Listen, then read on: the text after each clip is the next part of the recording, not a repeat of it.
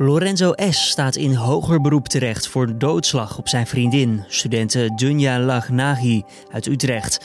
De Franse coureur Romain Grosjean mag waarschijnlijk vandaag het ziekenhuis verlaten na een harde crash afgelopen zondag in Bahrein. En de Brexit-besprekingen zijn weer in volle gang. Met nog een maand te gaan zouden de onderhandelingen eigenlijk al afgerond moeten zijn. Maar er wordt nog veel gesproken over staatssteun, handelsconflicten en de visserij. Dit wordt het nieuws. En dat de grootste van die drie prioriteiten, zowel voor de Europese Unie als voor het Verenigd Koninkrijk, is visserij. Visserij is, net zoals de hele brexit, een politiek onderwerp. Het stelt economisch geen moer voor. Correspondent Lia van Beckhoven vanuit het Verenigd Koninkrijk hoor je. Straks praten we met haar verder over het hoe en waarom rond de brexit. Eerst kort het belangrijkste nieuws van nu. Mijn naam is Julian Dom. Het is vandaag woensdag 2 december. Dit is de Dit wordt het nieuws ochtendpodcast.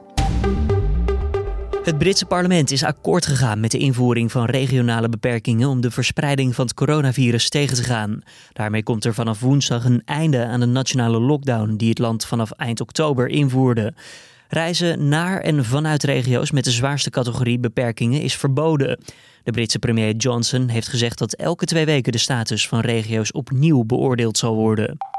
Het Amerikaanse ministerie van Justitie heeft geen bewijzen gevonden voor grootschalige verkiezingsfraude van de presidentsverkiezingen. Dat zegt justitieminister William Barr. Het team van president Trump laat echter weten dat het onderzoek van Barr incompleet is en dat veel aangeleverde bewijs niet is onderzocht. Trump blijft dan ook volhouden dat er gefraudeerd moet zijn bij de verkiezingen. Die werden gewonnen door zijn democratische tegenstander Joe Biden. De 51-jarige man die gisteren inreed op voetgangers in de Duitse stad Trier deed dat volgens de politie met opzet. Hij was dronken en reed zigzaggend door het voetgangersgebied om zo doelbewust slachtoffers te maken. Zeker vijf mensen, onder wie een baby, kwamen om het leven. Vele anderen raakten gewond. De Slovaakse politie heeft dinsdag een van de rijkste en machtigste mannen van het land opgepakt in verband met de moord op onderzoeksjournalist Jan Kuciak in 2018. Slovaakse media beschouwen de arrestatie als de spectaculairste gebeurtenis tot dusver in het moordonderzoek. De oligarch is een van de voornaamste spelers van vastgoed in Slowakije, Tsjechië en Polen. De man zegt zelf niet te weten waar hij van wordt beschuldigd. Gratis een rolkoffer meenemen aan boord van EasyJet is vanaf februari verleden tijd. Enkel passagiers met extra beenruimte of een zitplaats voor in het toestel kunnen straks nog gebruik maken van deze regeling. De luchtvaartmaatschappij zorgt hiermee voor extra inkomsten.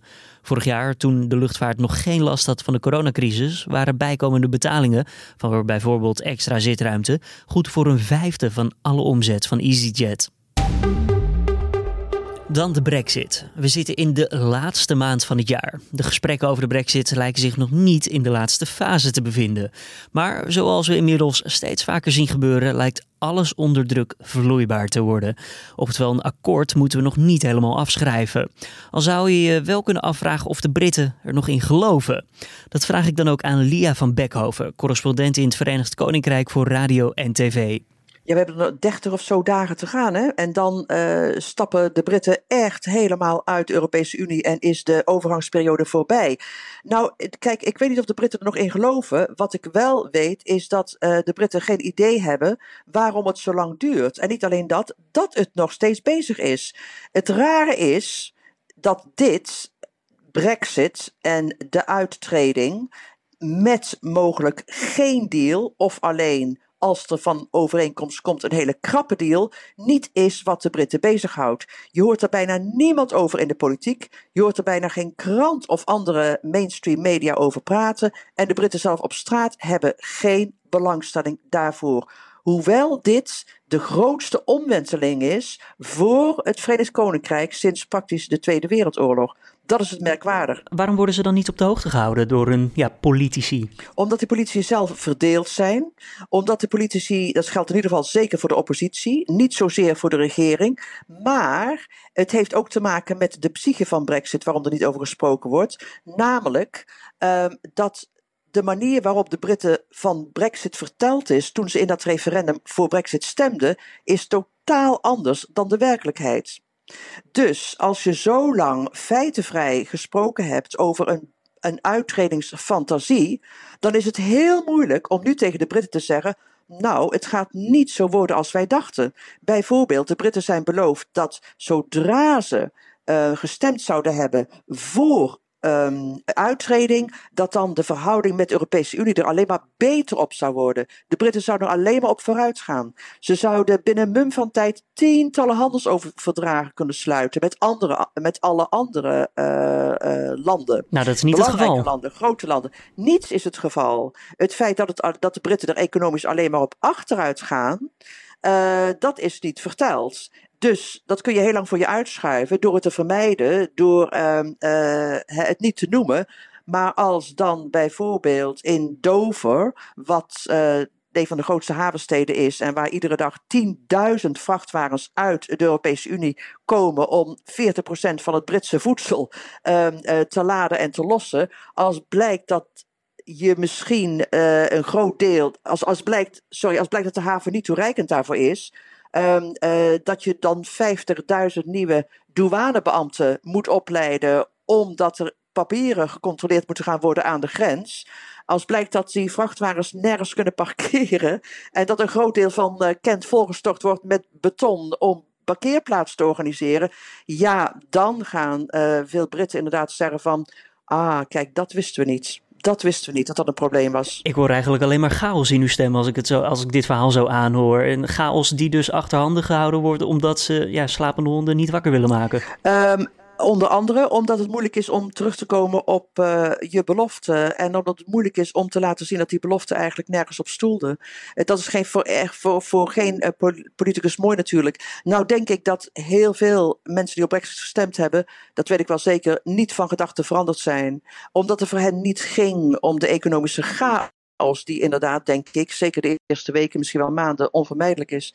Um, uh, daar hebben ze niet uh, voor. Um, uh, dat was niet de reden waarom ze Brexit stemden. Ze stemden Brexit voor de notie van een soeverein, onafhankelijk Groot-Brittannië. Begrijp je? En dan heb je het er wel voor over als het eten wat duurder wordt, bijvoorbeeld, wat ook onvermijdelijk is. Je hebt het ervoor over dat alle uh, goederen die je vroeger had, nu niet, maar beschikbaar, niet meer beschikbaar zijn. Dat heb je er allemaal wel voor over. Tot op zekere hoogte. Nou, zei u net verdeeldheid binnen de Britse politiek. Uh, er is ook verdeeldheid binnen Europa aan het ontstaan. Uh, de Duitse bondskanselier Angela Merkel die zei dat lidstaten hun geduld beginnen te verliezen. Heeft het Verenigd, Verenigd Koninkrijk nog een troef in handen die gespeeld kan worden om zo de aandacht erbij te houden en misschien toch als winnaar uit die onderhandelingen te komen? Ha, nee. Kijk, we weten niet eens. Duidelijk, wat, nee. We weten, we weten niet eens wat, uh, precies wat, wat Boris Johnson wil. Nogmaals, het is een van de grootste en meest dramatische omwentelingen um, uh, in de Britse naoorlogse geschiedenis. En nog steeds, hè, met iets van vier weken te gaan, is niet duidelijk of de Britse premier uh, al besloten heeft of hij nou wel of geen handelsakkoord wil. Dat is eigenlijk onvoorstelbaar. Want de drie punten waar het om gaat dan, hè, staatssteun, handelsconflicten en visserij. Is daar dan wel iets over te zeggen? Liggen de prioriteiten bijvoorbeeld vanuit de EU en het Verenigd Koninkrijk uh, gelijk? Of staan ze daar ook lijnrecht tegenover elkaar? Het merkwaardige is dat het alleen maar vreemder wordt als je kijkt wat die drie prioriteiten zijn. En dat de grootste van die drie prioriteiten, zowel voor de Europese Unie als voor het Verenigd Koninkrijk, is visserij. Visserij is, net zoals de hele brexit, een politiek onderwerp. Het stelt economisch geen moer voor. Um, ik weet niet of je die winkel kent, uh, Harrods, een grote, uh, uh, chique, chic warenhuis in Londen. De omzet van Harrods is iets meer, of ja, ongeveer gelijk met die van de visserij. Namelijk een kleine een miljard euro per jaar. Waarom wordt het dan zo groot United, gemaakt? Manchester United is groter dan de hele Britse visserij. Voor politieke redenen. Uh, uh, Dit is toch in een grafiekje op tv een... neer te zetten? Je zegt een voetbalclub naast elkaar, Gebeurt een warenhuis en dan van jongens, waar praten we over? Doe even normaal met z'n allen. Precies, maar nogmaals, het gaat niet om de economie, het gaat om politiek. En als er iets symboliek is voor een vrij Brittannië dat in zijn eigen wateren kan vissen zonder dat ze daarmee moeilijke afspraken moet maken met derden, dan is het de visserij. Wie trekt er nou aan het kortste eind als er uiteindelijk geen akkoord komt aan het eind van dit jaar? Nou, de Brit is altijd verteld, uh, uh, wij gaan er alleen maar op vooruit met een brexit. De Europese Unie heeft meer te verliezen dan wij. Hmm. Kijk, als je de Europese uh, de markt van de Europese Unie naast de Britse markt legt, Ga maar na. Wat is het? 340 miljoen versus 60? Ik bedoel, natuurlijk zal Groot-Brittannië in onderhandelingen met grote of andere machtige partners altijd het onderspit delven. Dat is de logica van, uh, van de economie. En toch zei Boris Johnson, ja, ook zonder akkoord gaan we als Verenigd Koninkrijk een hele mooie toekomst tegemoet. Klinkt dan nou, dat wel bedoel ik. mooi weerspelen. Nou, en dat bedoel ik dus. Zo, zo is het al vier jaar uh, sinds de Britten stemden voor uittreding, is dit het verhaal van de meeste politici uh, in Groot-Brittannië. Uh, het gaat allemaal goed worden, het gaat allemaal goed worden. Vandaar dat het zo moeilijk is om je voor te bereiden op uittreding, omdat dus die fantasie niet stoelt met, niet stoelt met de werkelijkheid. En nog steeds doet Boris Johnson het. Nog steeds zegt hij niet tegen de Britten. Het gaat niet meevallen. Uh, we moeten de klappen opvangen die er ongetwijfeld gaan komen, vooral tijdens de eerste periode. Uh, het, is de bank van, het is de Engelse bank die zegt van ook met een akkoord gaat onze economie er 4% op achteruit. Um, uh, het zijn niet de politici die dat, uh, die dat zeggen. Het is uh, sterker als een um, vooruitzicht geschetst moet worden, een soort van begroting moet worden ingediend over hoe het Verenigd Koninkrijk er economisch de komende jaren op voorstaat en wat voor schade COVID heeft aangericht. Niet half zo erg als de schade van Brexit, dus twee haakjes.